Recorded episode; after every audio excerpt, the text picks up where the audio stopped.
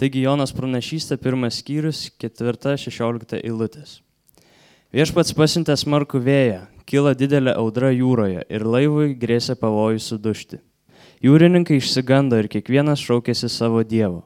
Jie išmetė laive esantį krovinį jūrą, kad laivas palengvėtų. Tuo metu Jona buvo nusileidęs į laivo vidų ir kietai miegojo. Kapitonas atėjo į pas jį ir klausė, kaip tu gali miegoti, kelkis šaukis savo Dievo, gal jis prisimins mus ir mes nežūsime. Po to jie kalbėjosi, eikime, meskime burtą, kuris iš mūsų kaltas dėl šios nelaimės.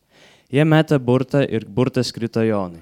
Tada jie paklausė jį, pasakyk, ko mums šita nelaimė, kuo tu užsimi, iš kur keliauji, iš, ko, iš kokio krašto ir iš kurios tautos esi. Jis jiems atsakė, aš esu hebrajas, garbinu viešpatį, dangaus dievą, kuris sukūrė jūrą ir sausumą. Tie vyrai labai išsigando ir klausė jo, kodėl tai padarėjai. Jie žinojo, kad jis bėgo nuo viešpatės, nes jis jiems tai buvo papasakojęs. Tada jie sakė jam, ką turime daryti su tavimi, kad jūra mums nurimtų. Nes, nes, jūra siaut, nes jūra siautė vis smarkiau. Jis jiems atsakė, imkite mane ir meskite į jūrą. Tada jūra e, jums nurims, nes aš žinau, kad dėl manęs kila ši baisi audra. Vyrai įrėsi visomis jėgomis, kad grįžtų prie kranto, bet neįstengė, nes jūra nesiliovė siautusi. Jie šaukėsi viešpatės, maldaujame tave, viešpatė, neleisk mums žūti dėl šio, šito žmogaus. Nepriskaityk mums nekalto kraujo, nes tu viešpatė darai, ką nori. Tada jie paėmė Joną ir išėmė, išmetė jį į jūrą. Jūra nurimo. Tie vyrai labai išsigando viešpatis, aukojo viešpačiui aukas ir davė įžadus. Tai Dievo žodis. Amen.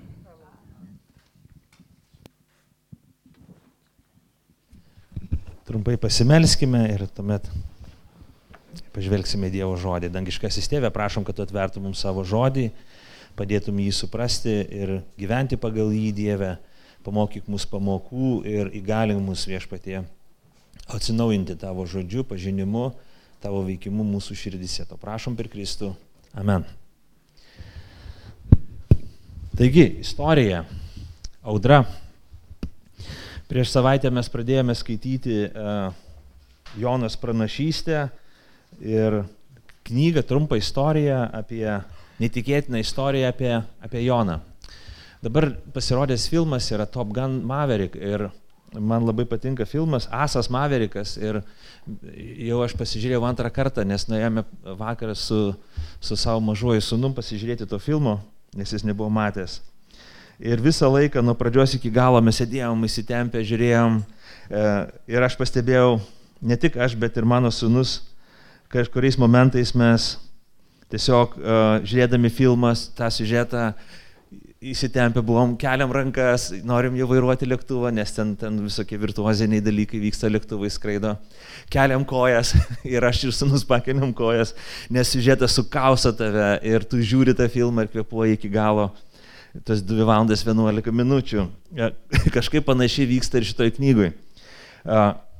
Mes paskaitėme praeitą kartą tris eilutes ir jos netikėtinai šokiruojančios ir arba tokios sukaustančios dėmesį. Dievas kreipiasi į žydą ir sako, eik į savo priešų tautą, į galingos imperijos Asirijos sostinę, skelbk atgailą, skelbk, tiksliau, skelbk rūstybę Dievo ir kvies žmonės atgailai, rasi Dievas pasigailės jų Bet pranašas nepaklūsta Dievui ir vietoj to, kad keliautų į Ninevę 800 km į rytus, jisai 4000 km leidėsi į vakarus. Ir tai pasibaigė ta istorija. Jona nepaklauso Dievo. Ir mes tada skaitom istoriją, kurią tik, ką tik perskaitė Mažydas ir jinai neįtikėtina istorija, kaip viskas tęsiasi, kaip viskas vyksta toliau. Taigi, audros. Uh, mūsų gyvenime būna audros. Ir čia štai istorija apie audrą. Ir žiūrėkime, ketvirta eilutė. Mūsų šiandieninis tekstas, kaip prasideda. Viešpats pasiuntė smarkų vėją. E, kilo didelė audra jūroje ir laivui grėsė pavojus sudušti. Taigi žiūrėkim. Tokie atsikartojimai. Kaip ir minėjau, šita knyga tokia turi atsikartojimų ir tie atsikartojimai labai stipriai veikia. E, pradžiui, antroji lūtė, Dievas kreipiasi į Joną ir sako, eik į didį miestą. Ir tada sako, Dievas pasiuntė smarkų vėją. Tas smarkus vėjas ir didis miestas, šiaip e, hebrajų kalboje tas pats žodis yra. Dievas siunčia į didelį miestą ir kadangi Jona nepaklauso ir neina į didelį miestą, bėga nuo Dievo, jis susitinka didelę audrą savo gyvenime. Ta žaidimas toks, ne? Dievas kviečia tave į didelius dalykus, gauni didelius dalykus, jeigu jų neklausai. E, dar vienas dalykas, kad tas uh, viešpats pasiuntė smarkų vėją, tai tas pats kaip mesti jėti. Dievas tarytum sviedė tą smarkę audrą uh, į Jonos gyvenimą. Ai, tu neklausai žodžio, tu priešinėsi žodžiui. Mhm. Bus taip tavo gyvenime. Taigi, Dievas siuntė į didelį miestą, bet Jona pateko į didelę audrą, į didelę bėdą. Taigi čia, žiūrėkit, bėgti nuo Dievo. Um, Paskui jau Jona pasakys, kai pabus iš miego, jisai pasakys, kad jisai garbina dangaus Dievą, kuris sukūrė jūrą ir sausumą. Seniau dievai, pagoniškose uh, religijose, jie, turėdavo, jie būdavo labai tokie uh, segmentiški. Kalvių dievas, ten, nežinau, žemdirbių dievas, saulės dievas, vaisingumo dievas, kiekvienas turėjo savo tam tikrą amatą dievas ir kiekvienas buvo atsakingas už savo sritį.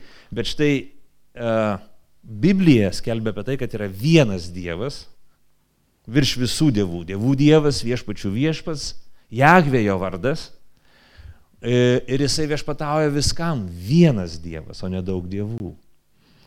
Ir čia ironiška, kad kaip tu gali pabėgti nuo Dievo? Jisai bėga nuo Dievo, rašoma, kad jis bėga nuo Dievo akivaizdos, Kaip tu gali pabėgti nuo Dievo? Tai yra beprasmiška. Nes Dievas yra dangaus, žemės, jūros sukūrėjas. Jisai visą ko kuri. Kaip tu gali pabėgti nuo Dievo? Čia yra ironija, čia yra sarkazmas, čia žaidimo žodis. Jonas supranta, žino, kad Dievas viską sukūręs ir viską valdo, bet jis bėga nuo Dievo. Bandymas pabėgti nuo Dievo yra toks beprasmiškas, kaip saulė tą dieną pabėgti nuo savo šešėlio. Kaip įkristi į jūrą ir mėginti likti sausam. Sakai, nenoriu, kad sušlaptų mano plaukai. A, tu jūroje esi, tu kritėsi jūrą, tu tiesiog vaduojasi, kad nepaskestum. Tai neįmanoma. Taigi čia ir Dievo pažinimas, čia ir ironija. Dievas turi humoro jausmą. Man sako, bėgi nuo manęs. Nu, gerai. Jo, tarsi mano ranka nepasieks tavęs, jeigu tu plauksi į vakarus, jeigu tu būsi jūroje. Tarytum nepasieks, bet Dievo ranka pasiekia. Taigi žiūrėkim, čia Biblija atskleidžia tokį dalyką, praskleidžia šydą ir sako, kad Dievas siuntė audrą į Jonos gyvenimą.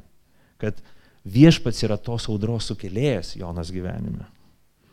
E, tai net suprato pagonis, pagonis jūreiviai, sako, žiūrėkit, penktą eilutę, jūrininkai išsigando ir kiekvienas šaukėsi savo Dievo. E, jūrininkai paprastai būna e, labiau patyrę ir įpratę prie visokių bangavimų ir panašių dalykų ir, ir būna daug dalykų matę gyvenime ir kiekvieno, kiekvieno pasiubavimo, kiekvienos audros jie neišsigasta.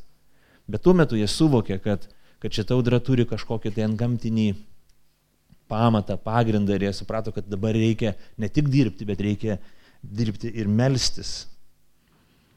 E, ir Ir čia vėl mintis, kad mūsų neklusnumas visą laiką mus atves į gyvenimo audras. Kai mes neklausom Dievo, mes ateisim į gyvenimo audras, mes papulsim į audras gyvenime, jeigu neklausom Dievo. Ir klaidinga būtų manyti, kad kiekviena, kiekviena žmogaus audra yra Dievo siusta ir kad Dievas priešinasi ir kad čia Dievas autoris tos kiekvienos audros. Nes mes, pavyzdžiui, skaitome Evangelijose, nes kažkur tai ta istorija mums girdėta, mes Evangelijose skaitome apie Kristų, kuris irgi buvo audroj, irgi mėgojo. Ir uh, Jėzaus gyvenime buvo audra. Ar jis buvo neklusnus? Ne, jis buvo klusnus. Mes skaitome apie Paulių. Paulius buvo įkalintas, keliavo į Romą, jisai įspėjo karius, kad buvo gabenamas į Romą kaip, kaip belaisvis, kaip kalinys ir jis įspėjo, kad dabar netinkamas laikas, sezonas netinkamas plaukėti jūrai, nes žiemos metas geriau būtų peržiemoti uoste. Nepaklauso šimtininkas, išplaukė ir sudinka, susiduria su audra ir dušta laivas. Jobo gyvenime galiausiai yra audros perkeltinė prasme. Ir Jobas yra teisus, jo audros ateina jo gyvenime ne dėl to, kad jis nusidėjo, bet dėl to, kad jis buvo teisus ir buvo išmėginamas ir buvo atskleidžiama tokia, tokiu būdu Dievo šlovė. Taigi krikščionys neturėtų būti prietaringi šitą istoriją ir šventas raštas neleidžia mums krikščionims būti prietaringiam ir sakyti, o kiek, kiek, kiekvienos audros badyti ir sakyti, va čia tau Dievo pirštas, čia, čia va taip Dievas tave baudžia, čia Dievas tau siuntė šitą dalyką, pagalvok, už ką čia siuntė. Gali tai būti, bet gali ir nebūti. Šituo atveju Dievas apreiškia, kad taip yra. Dažnai mes būnam, galvom, o gal čia Dievas baudžia juos už nuodėmės, gal tada nereikia jam padėti. Dievas pasmerkia tokį elgesį. Ir paimkim palyginimas apie gailestingai samarietį. Mes nežinom, kodėl kunigas praėjo pro sumuštą žmogų, kodėl levitas praėjo pro sumuštą žmogų. Bet samarietis teisingai reagavo, jis neieškojo priežasčių, kodėl jis sumuštas, gal čia bausmė buvo už jo nuodėmės ir taip toliau. Jis tiesiog padėjo. Ir dažnai mums nereikia kelti klausimą apie kitus žmonės, kodėl jų gyvenime, bet savo gyvenime mes galim kartais pakelti klausimą, ar, ar Ka, kodėl vyksta tam tikros audros mano gyvenime? Gal reikia man peržiūrėti savo gyvenimą ir dalykus. Taigi, vienaip ar kitaip, kai audra ateina mūsų gyvenimą, audros ateina į mūsų gyvenimą, žiūrėkime, ir, ir mintis tokia, Biblija vis tiek kalba vienareikšmiškai kitų klausimų, kad jeigu mes darom nuodėmę, jeigu mes net gailaujam, jeigu mes elgiamės nuodėmingai, audra tikrai teisi mūsų gyvenimą. Čia yra Biblijos žinia. Romiečiam 6.23 atpildas už nuodėmę yra mirtis. Ir čia, čia, yra, čia, yra, čia yra dėsnis ir, ir čia ne, nuo jo nepabėgsi. Ir jeigu mes darom nuodėmę, jeigu mes net gailaujam, audros ateis į mūsų gyvenimą. Ir čia žiūrėkit, yra taip, mes ne, ne, nesigilinsim labai daug, bet kažkurias nuodėmės pabaudžia Dievas, Dievas baudžia. O kai kurios, nuodė, kai kurios nuodėmės pačios nubaudžia tą, kuris, kuris daro tas nuodėmės, kaip pasiekmes ateina. Darai, darai blogą, darai, darai blogą ir tiesiog tu gauni pasiekmę. Nu, pavyzdžiui, gyveni nesveiką gyvenimo būdą, gyveni nesveiką gyvenimo būdą, gyveni nesveiką gyvenimo būdą ir kaip pasiekmė ateina nesveikata. Lygos į tavo gyvenimą. Ir taip toliau ir panašiai. Taigi, čia turim vis tiek žinoti, prisiminti tą biblinę mintį, jeigu mes nusižengėm Dievo įstatymu, jeigu mes priešinamės Dievui, jeigu nepaklūstam Jo įsakymui, jeigu nesilaikom Dievo žodžio, jeigu net gilavom už savo nuodėmingą elgesį, tikrai audros ateis į mūsų gyvenimą neišvengiamai. Ir čia yra nekintanti Biblijos tiesa. Paguoda mums yra tai, kad, kas parašyta romiečiams 8.28. Ta pas, pasižymėkit mintį, jeigu ne, ne, ne, ne, nėra gerai žinoma jums šita mintis, kurią paštalas Paulius išsako tokiu būdu. Be to mes žinome, kad mylintiems Dievas, Dievą viskas išeina į gerą, būtent jo tikslų pašauktiesiems. Čia labai svarbus dalykas. Dievas mums duoda labai aišku pažadą, kad jeigu mes mylim Dievą, visos situacijos, visi sunkus dalykai, visos audros ir net nepriklausomai kokios audros, Ar jos kyla dėl mūsų elgesio neteisingo, ar jos kyla neaišku dėl ko, bet visa išeis į gerą. Jeigu to audroje mes šauksimės Dievo, jeigu mes grešimės į jį, busim atgailaujantis, atnaujantis savo santykį su Kristumi ir nuėjai pasišvenčiantis jam, ieškantis jo veido. Visa tai išeis į gerą. Tai didelė Dievo pagoda, didelis Dievo palaiminimas, milžiniškas viešpaties pažadas, kuris turėtų būti pagoda kiekvienam iš mūsų. Taigi, tada Dievas paima tas gyvenimo audras, jeigu mes šaukėmės Dievo, jeigu mes grežiamės į jį, jeigu mes ieškome jo veido, jeigu mes glaudžiamės prie jo, jeigu mes atgailaujam, jeigu mes pakoreguojam savo gyvenimo e, kelią, tada viešpats kažką keičia esmingo mūsų širdys ir gyvenimuose. Ir visi Dievo žmonės, patriarchai, mes, apie kuriuos skaitome Senajame testamente, patyrė tuos dalykus. Abromas buvo Dievo pašauktas, bet 25 metus turėjo laukti sunaus. Sunkus, kankinantis ilgas laukimas su nusivylimais, su klaidom, bet tai formavo jo charakterį, formavo jo pasitikėjimą Dievu, jis suprato, kad per, jis per tą laiką suvokė, kad jisai gali pasikliauti Dievu. Juozapas, pasipūtęs arogantiškas jaunuolis, kuris, kuris galvoja apie save Labai gerai. Vienas iš, iš, iš, iš brolių mylimas, uh, numylėtinis tėvo, visi vaikščiojo su Huawei telefonais, jis iPhone turėjo, visi vaikščiojo, nu, bet su paprastais rūbais, o jam nu, ten kažkokius tai vardinis nupirkdavo. Ir Dievas įvedė jį į vergovę, Dievas įvedė į kalėjimą tam, kad suformuotų. Audros atėjo jo gyvenimą tam, kad jis būtų pasiruošęs daryti rimtus dalykus ir darbus savo gyvenime. Lygi mozė. Iš karaliaus rūmų 40 metų pabėga ir dikumoje gano avis tam, kad būtų pasiruošęs tarnauti uh, savo tautai. Dievas panaudoja audras. Ir audros metu išmintinga ir protinga mums yra uh, grėžtis į Dievą. Kai viskas griūna, kai viskas nestabilu, kai viskas taip, ne taip vyksta, kaip mes įsivaizdavom, kai, vi, kai visi, visas mūsų kortų namelis subyra. Reikia sakyti, Dieve, Dieve, Dieve padėk. Dieve atverk, Dieve sustiprink, Dieve išvesk. Dieve, aš, man reikia tavęs, aš aukiuosi tavęs. Taigi, gyvenimo audros. Ateina audra, bet istorija vėl netikėtinai suka į kitą pusę, žiūrėkim. Jūrininkai išsigando. Tris kartus paminėta šitoj, šitoj, šitam fragmente, kad jūrininkai išsigando. Ne? Ir kiekvienas šaukėsi savo Dievo penktą eilutę. Jie išmetė laivę esantį krovinį į jūrą, kad laivas palengvėtų. Tuo metu Jona buvo nusileidęs į laivo vidų ir kietai mėgojo. Aš iš tikrųjų nesu patekęs į laivą, kuris yra audroj, bet aš girdėjęs pasakojimus tų žmonių, kurie būdavo net ir neaudroj su laivais, išplaukė į laivą, mėgstantis buriuoti žmonės ir keletą dienų jie tiesiog vemia, jos pikina baisiai ir taip toliau geria vaistus, paskui organizmas prisitaiko, jeigu jis linkęs prisitaikyti, jeigu žmonės neserga jūrų. Audroji, tai yra dar grėsmingiau, dar baisiau viskas vyksta. Ne? Bet štai Jona įsigudrina, tai, kad nepanikuoti, ne tai, kad jo nepykina, bet jis miega. Ir aišku, ta istorija mums primena Kristų, aš jau minėjau, kad primena istoriją, kai Kristus su savo mokiniais išplaukė Galilėjos ežerą ir kyla audra ir jie visi ten nori gelbėti su, su kažkokiais ten tazikais, ten bando iš, išpilti vandenį, kažką ten daro, būrė tvarko, o Jėzus miega. E, labai, labai įdomi istorija. Skirtingas miegas. Jonas, skirtingas, skirtingi personažai. Jėzus ir Jona. Jėzus miega turėdamas ramybę su Dievu. Jona miega bėgdamas nuo Dievo. Jona bėga nusigręžęs nuo Dievo. Jona bėga norėdamas užmiršti Dievą, norėdamas užmiršti jo misiją, norėdamas užmiršti Dievo širdį, nes tai jisai supykęs.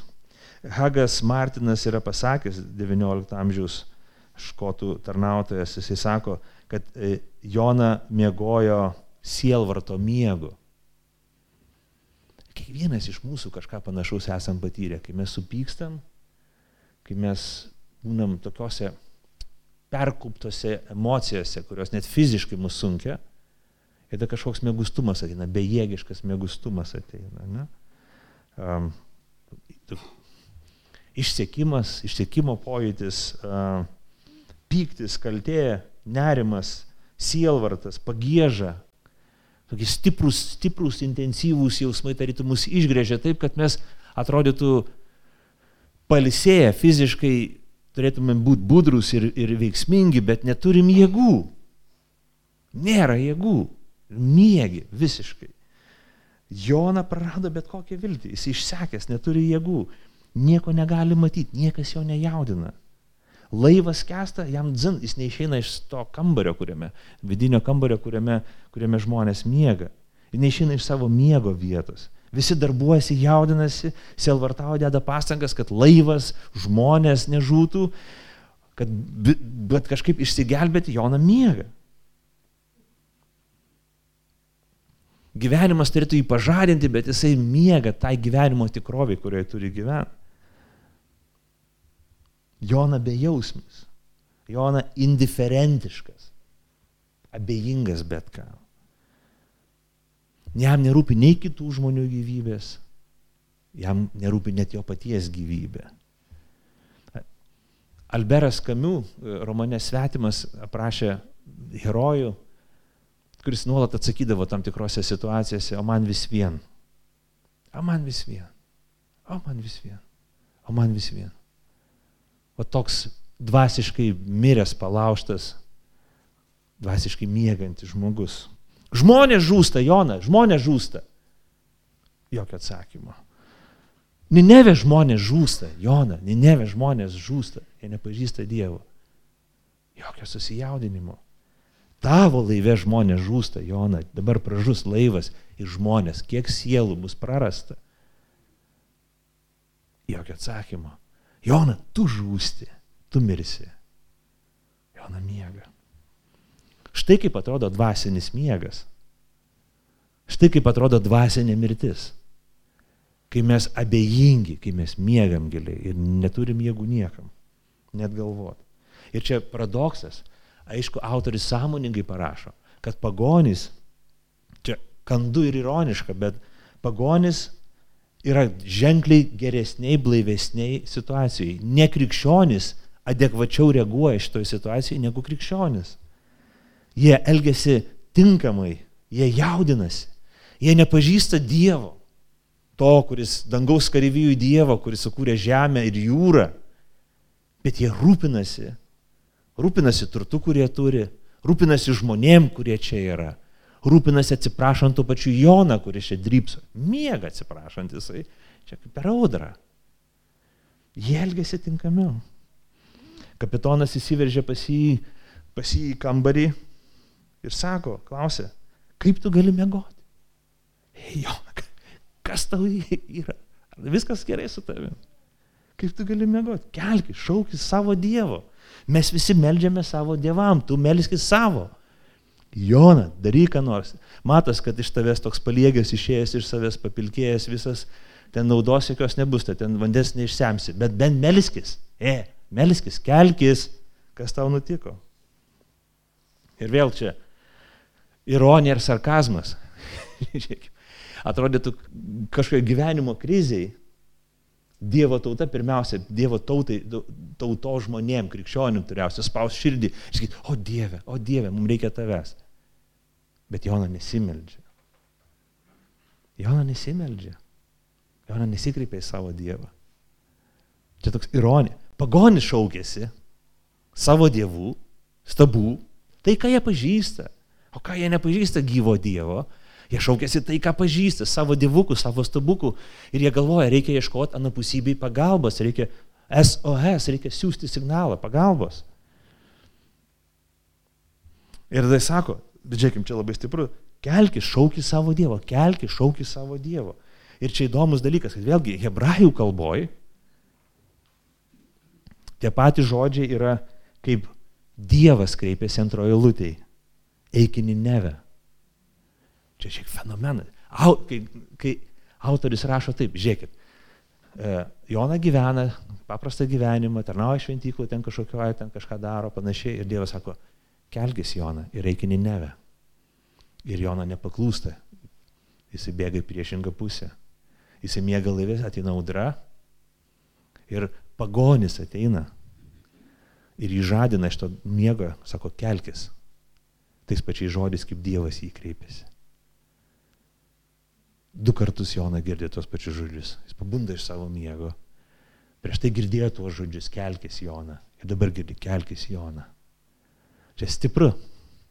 Dievas šaukia, Dievas naudoja. Jona kažkur girdėjo tuos žodžius, Dievas naudoja paprastus žmonės, Dievas naudoja netgi nekrikščionis, kad kalbėtų krikščionim. Hei, pabusk iš miego. Tu turi būti aktyvus, tu atmerk akis, realybė gyvenimo tikrovė yra tokia, kad reikia kažką daryti, bent melstis bent melstis. Ir visi meldžiasi, visi meldžiasi, Jona, tu melskis. Ir malda, čia aišku, be abejo, čia žinoma mintis, bet reikia ją pabrėžti, pabrėžti. Malda yra labai svarbi. Malda yra indikatorius mūsų dvasinio gyvenimo. Nėra maldos, nėra bendrystės su Dievu, nėra dvasinio gyvenimo. Čia kaip medelis, kuris uh, stovi ir šakelė, jeigu jinai negauna syvo iš, iš, iš, iš kamieno, viskas, jin mirė. Malda jinai duoda mums dvasinę gyvybę, jeigu mes nesimeldžiam. Arba tiek, kiek mes meldžiamės, tiek mes dvasiškai ir gyvesam. E, e, Jona jau nusigręžęs nuo Dievo, Jo širdis užkėtėjus, jis pyksta ant Dievo, jam toks Dievas ne, nereikalingas, ko, ko, koks jis jam apsireiškia. Tu nugrėži nugarą Dievui, viskas ateina, ateina dvasinis apsnudimas, ateina dvasinė, dvasinis miegas. Nėra jėgų. Mane labai žavi, um, kokie čia aprašyti šitoj uh, istorijai pagonys arba nekrikščionys. Žiūrėkit, Jona pažadinamas ir tada uh, jūreiviai nusprendžia mesti burtą, išsiaiškinti, kas, už, dėl kurio čia iš mūsų kyla ta audra. Jie kažkaip taip supranta. Man įdomu, aš bendraudamas su, su broliais, ne iš vienos Afrikos šalies, aš girdėjau, kad net ir dabar šiuo metu Afrikoje nekrikščionis lygiai taip pat masto. Jeigu, pavyzdžiui, susirga jų vaikas, jie tada bando išsiaiškinti, dėl ko, kas čia kaltas dėl to, kad vaikas susirgo. O, sudėtingas procesas, baisus momentas, burtininkavimo dvasia, bet taip jie mąstė. Ir įdomu tai, kad Dievas paima ir panaudoja tą įrankį, jų burtą panaudoja ir aš nežinau, kokiu ten būdu jie ten naudoja, ten vardus surašė, ištraukė burbuliukus kažkokius kaip, kaip per Europos čempionato varžybas, aš nežinau, kaip, kaip darė tai. Bet rodiklė parodė Joną. Tu. Ir visi sužiūro Joną. Kas dabar? Ir mes bandome įsivaizduoti, žiūrėkit, Jona yra Dievo tautos žmogus, o čia yra pagonys, baisus pagonys, kurie de, bedieviai, nepipjaustyti, nekrikščionys, nepažįsta Dievo, neturi statymo, nemyli Biblijos, neaukoja aukų, netarnauja, garbina stabus, netarnauja tikram Dievui. Kiek sekundžių Jonos galva turi išsilaikyti ant pečių, pasakykit man. Kiek akimirkų? Man atrodo, kad taip turėtų pasižiūrėti, kaip ir film. Ir sekantis kadras tiesiog tunk, tunk nukrenta ant žemės galva Jonas. Ir kūnas išmetamas, dar kitas kadras išmetamas už borto. Man atrodo, kad tokia natūrali reakcija turėtų būti. Tačiau, aštuntą eilutę sako, tada jie klausė jį, Pasakyk, dėl ko mums šita nelaimė, kuo tu užsiimi, iš kur keliauji, iš kokio krašto ir iš kokios tautos, iš kurios tautos esi. Šitie klausimai, aš tikrųjų daugybę kartų juos skaičiau, aš galvoju, kokie puikūs klausimai. Žiūrėkit, ką jie daro, jie išmetė burtą, parodė, kas kaltas, kas atsakingas ir jie pradeda su juo kalbėtis, jie kalba su juo. Neįtikėtinas daiktas. Šito visoje trumpoje istorijoje, kurią mes perskaitėm, yra aštuoni klausimai.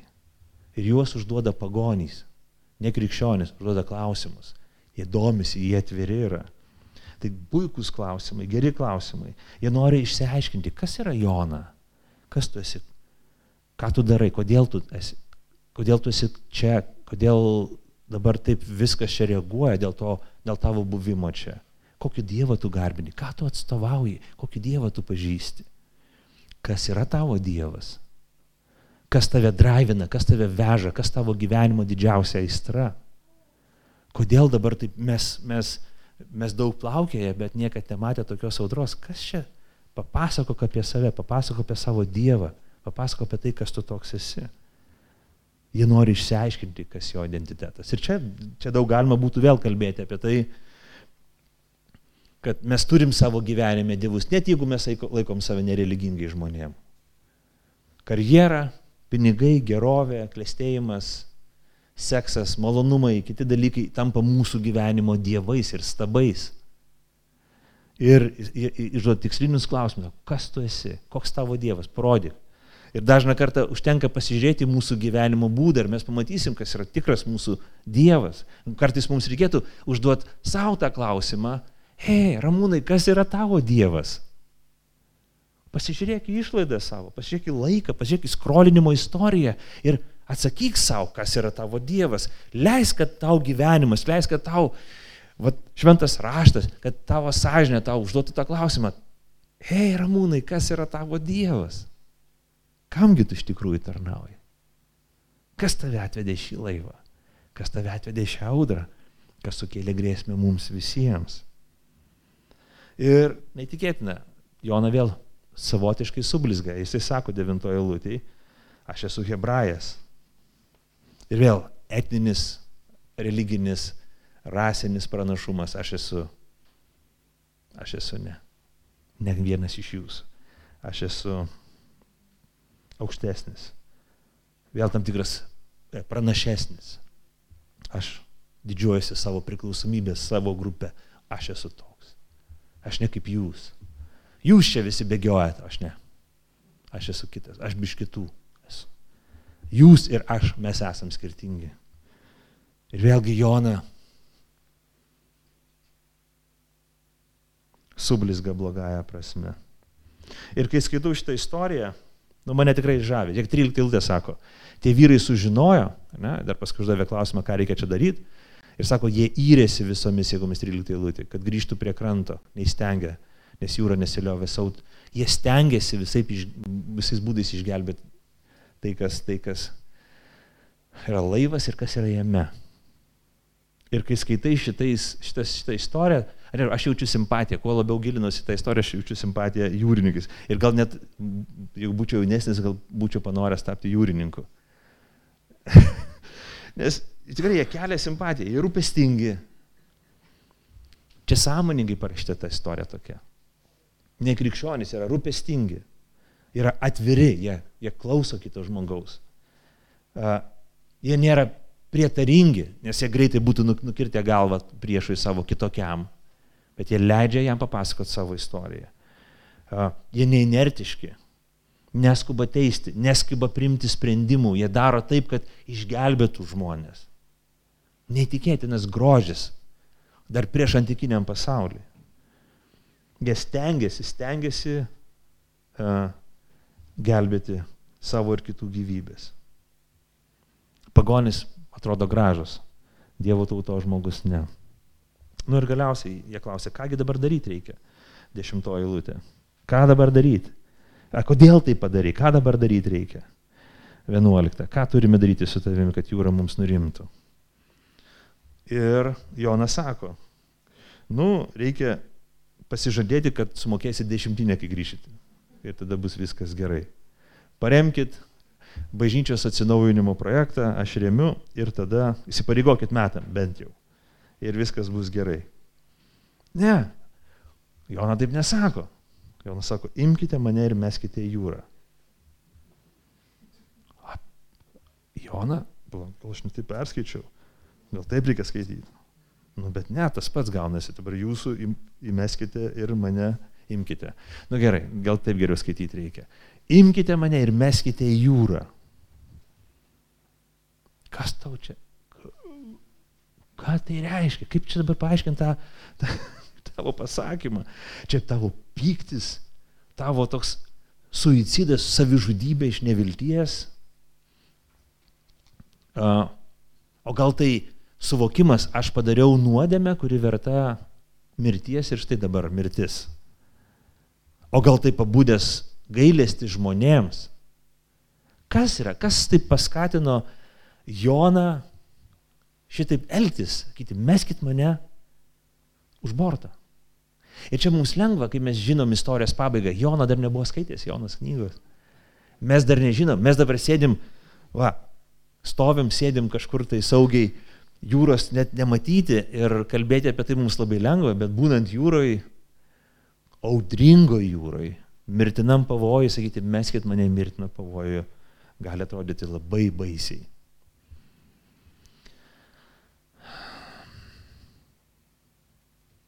Taigi žiūrėkim, Jonas savo neklusnumu šiaip iš principo žudo Ninevę, jis neina į Ninevę, kad ne, neštų išganimo žinę, išgelbimo žinę. Jona savo neklusnumu į pavojų stato jūrininkų, kurie keliauja su juo gyvybės Jona savo gyvybę į pavojų statė ir dabar sako, ne, ne, meskit mane, aš žinau, aš esu priežastis. Čia mano santykis su Dievu yra sugadintas ir aš esu priežastis. Aš manau, kad Jona net gailavo šitoj situacijai, bet galbūt suvokė Seno testamento principą, kad turi būti atpirkimas. Tas atpirkimo ožys, kažkas turi mirti už tai, o aš, aš nusidėjau, reiškia, aš turiu mirti. Vyrukai, kaip mes jau skaitėm 13 eilutėje, dar stengiasi irtis, ne? jie sako, ne, ne, palauk, kaip taip, čia taip negali. Kokie pagonys, neįtikėtina, ne, atrodo, tai mes greitai dabar, kaip įmanoma greičiau mes, dar paprašyk, kad tuos daiktus, kurį išmetėm, kad dar juos paduotų ir tegul paskui jau paskesta. Ne, dar jie stengiasi irti, sako, ne, ne, mes dar bandysim, deda pastangas, bet raumenys trukinėja. Ir klai lūšta, neišeina nieko padaryti. Jie dar šaukdamėsi Dievo. Jie šaukėsi viešpatės, maldaujame tave 14 iltė sako. Viešpatė, neleis mums žūti dėl šito žmogaus. Nepriskaityk mums nekalto kraujo, nes tu viešpatė darai, ką nori. Ir jie tada sako, Dieve, mes paklausysim to žmogaus, kuris pažįsta tave, patarimų ir mesim jį, bet Dieve nenorim nusidėti. Jie išmeta jį ir audra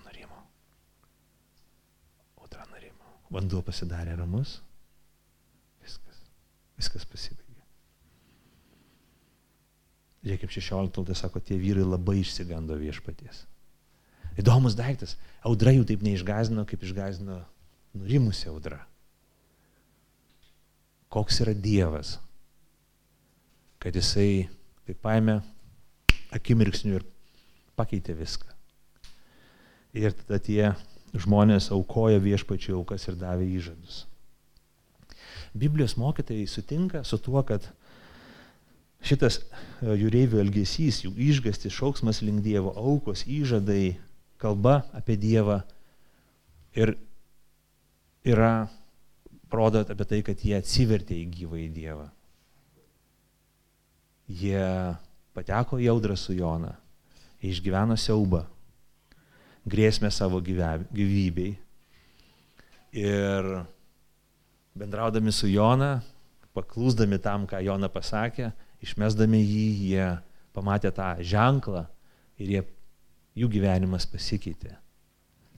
Neįtikėtina tokia istorija. Ko mes galim pasimokyti? Aš galvoju, keturi dalykai, ko galėtume pasimokyti. Pirmas dalykas iš šitos istorijos - nuodėmės pamoka. Turim nepamiršti, Biblija mums kalba. Biblija kalba, jos, jos žinia nesikeičia niekada. Kultūra keičiasi, nuodėmės samprata keičiasi,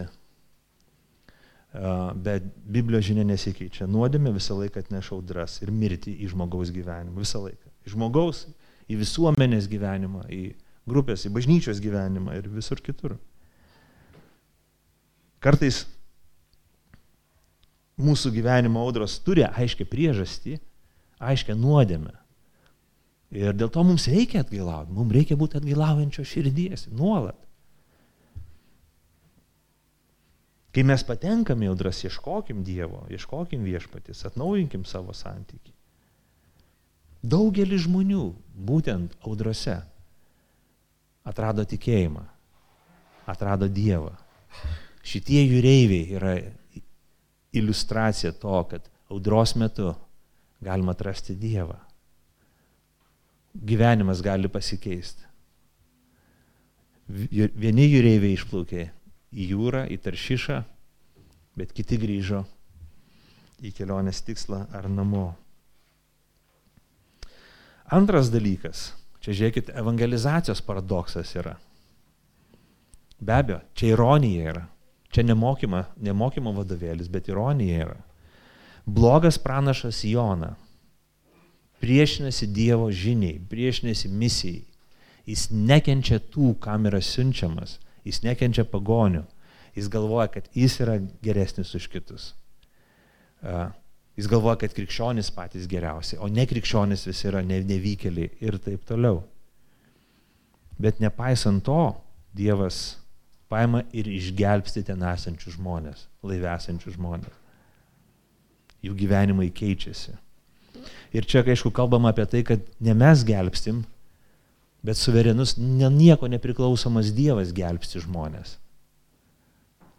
Netgi nekompetitinga, ne, nevykusiai besielgianti bažnyčia kažkur paslėp, paslėpusi turi Evangelijos žinę, kuri turi galę pakeisti, Dievas gali pakeisti ir išgelbėti žmonių gyvenimus. Tai nemoko, kad mes kaip baigdžia turime elgtis kaip Jona. Tada mes visai nesupratom Jonas knygos. Ir esam Jona 2 variantas. Ne, mes turim suvokti, kad Dievo planas ir mintis, kad Dievo tauta būtų sąmoninga, kad Dievo tauta būtų budri, kad Dievo tauta būtų tarnaujanti, o lyg geriems darbams liūdinti išganimo žinę, tarnaujanti ir mylinti žmonės taip, kaip kad Dievas juos myli. Trečias dalykas tai yra nekrikščionis. Blogi krikščionis ir geri pagonys. Bažnyčia būna krikščionių, ne, nekrikščionių kritikuojama. Nekrikščionis dažnai kritikuoja bažnyčią.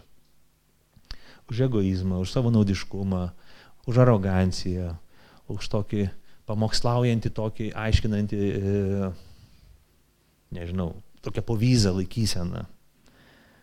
Mm, išdvasinį neutrumą, apatiją, nerištingumą, cinizmą, savęs aukštinimą, kitų niekinimą, nesirūpinimą žūstančiais ir stokojančiais žmonėm. Ir tai teisinga.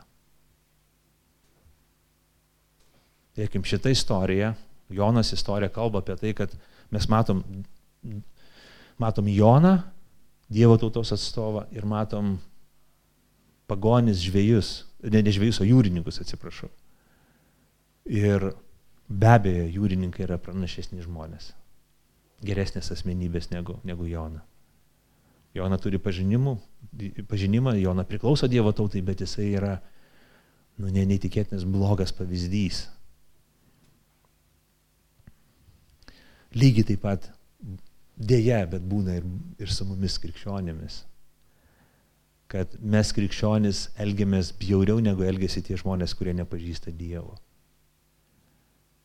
Ir mums kaip krikščionėms yra gerai atverti akis, nulankiai tiesiog atverti akis, ne tai, kad čia bar niekinti save, išsižadėti savęs, plakti save, bet nusižeminti ir sakyti, palauk, palauk, Dievas per savo bendrąją malonę, per savo malonę duoda išminties ir supratimo visiems žmonėms, per visus žmonės Dievas veikia ir, ir ir mes jį galim pažinti netgi va, tuose pagonių veiksmuose, matyti Dievo malonę, tą rūpestį, globą, jautrumą ir panašiai. Ir čia mes turėtumėm nusižeminti ir būti nuolankiais. Um, ketvirtadienį buvau maldos pusryčiuose, kuriuos rengia, tradiciškai rengia e, miesto meras ir, ir buvo labai įdomu. Per tą renginį liudijo e, paramos fondo, paramos alijansas steigėjas ir, ir, ir vadovas Gintaras Malčiauskas. Ir jis pasakoja savo patirtis, kai vasario 24 dieną sužinojo žinia apie karą. Pirmoji reakcija buvo tokia, okei, okay, aš kariausiu, jis vyresnis negu žmogus ir greičiausiai tarnavęs, kaip suprantu, tarybiniai kariuomeniai. Ir jis sako, aš, nu, kažkiek moku naudoti ginklą, aš Aš turiu eiti kariauti, aš turiu kariauti, aš važiuosiu į Ukrainą. Bet paskui pamastė, pakalbėjo su žmona, nu, amžiaus dalykai, naudingumas, efektyvumas. Ir, ir sako, o, aš, jisai, jisai turi, aš suprantu verslą ir aš, aš, aš moku organizuoti, aš moku daryti kitus dalykus. Bet jis negalėjo likti likt pasyvus, jis pradėjo rašyti su žmonėm, nes daug žmonių, kaip žinia, ir tuo metu gal ir šiuo metu taip pat yra, aš dabar mažiau sėku tą informaciją, būdavo grįvėsiuose, apgriautuose namuose, rusiuose, dienom ar savaitėm būna. Ir jis sukūrė tokį tinklą, ten telegramuose ir kituose, kituose platformose socialinėse, kad padėtų žmonėm, kurie yra fronto linijai, suorganizuotų mašinos atvykimą, tų žmonių subėgimą saugų į tą automobilį ir išgabenimą iš fronto linijos sudėtingas, sunkus procesas, sunkiai e, organizuojamas, bet tokiu būdu jis išgelbė apie 60-70 žmonių. Laivą. Laivą. Pilna sielų. Ir aš sėdėjau, man buvo, man buvo sunku tramdyti ašaras. Aš galvoju, kaip gražu. Jis nepasakoja Dievo žodžio, kad Dievo žodis jį paragino, aš net nežinau, ar jis krikščionis yra. Bet aš galvoju, kaip gražu. Kaip gražu rūpintis tais, kuriais iš principo niekas gali nebepasirūpinti. Ir atiduoti savo jėgas ir talentą tam, kad padėtų žmonėm. Tai gali būti įkvėpimas, gali būti padrasinimas, gali būti šiek tiek sugėdinimas man kaip krikščioniui.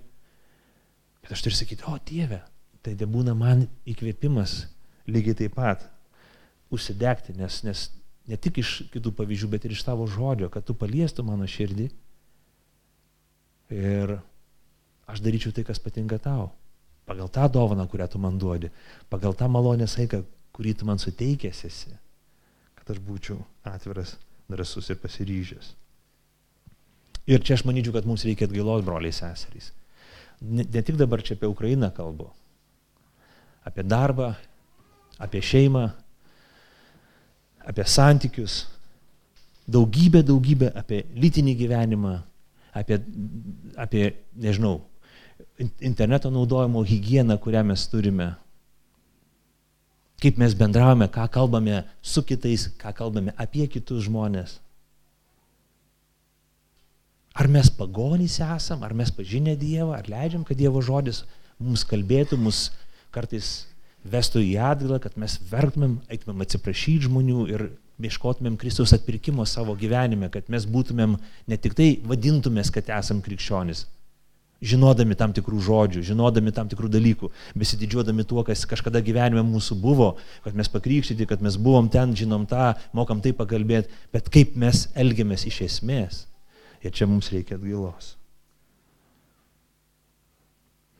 Tebūnė Dievo žodis mus paragins tai atgailai, o ne audros. Bet jeigu ateis audros, atraskim Dievą, atraskim jį ir griebkime jo. Nu ir vis tiek mes turime viltį, mes turime viltį. Kaip Jona buvo išmestas už borto, taip Jėzus Kristus vienas buvo nužudytas, kaip atperkančioji auka už visų žmonių nuodėmes. Vienas Jona buvo išmestas, kad visas laivas išgyventų. Taip Jėzus Kristus vienas kentėjo už visų mūsų nuodėmės ir jisai yra mūsų permaldavimas. Visas mūsų neklusnumas, visas mūsų nuodėmingumas yra nukryžiuotas ant kryžiaus ir čia yra mūsų viltis, broliai sesės. Dėl Kristaus aukos tavo ir mano gyvenimas gali keistis tavo ir mano gyvenimas gali turėti tašką, pokyčio tašką, kaip tų pagonių gyvenime. Pakilkime maldai.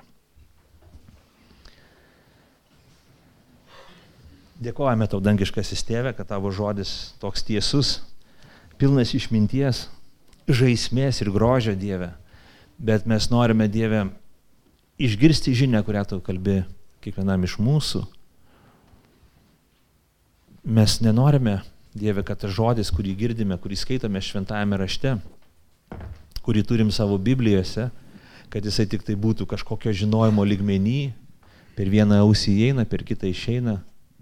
Mes norime Dievę, kad įėjęs per ausį, įėjęs per akis, kai skaitome, kad jis transformuotų mūsų širdis, kad vestų mūsų į permastymą, į atgailą, į išpažinimą, kad mūsų gyvenimai kaip tų žvėjų, kaip tų jūrininkų gyvenimai iš esmės keistusi. Kad nuo savo stabų, kuriuos mes garbinam, kad mes grėžtumėm, grėžtumėmės į tave visose savo gyvenimo srityse. Dangaus, žemės ir jūros Dieve, viso pasaulio kuriejau, atpirkėjau ir išgelbėtojau. Meldžiu už kiekvieną čia esantį, meldžiu už save ir prašau Dievę, kad tavo malonė kiekviename iš mūsų veiktų per Kristų. Amen.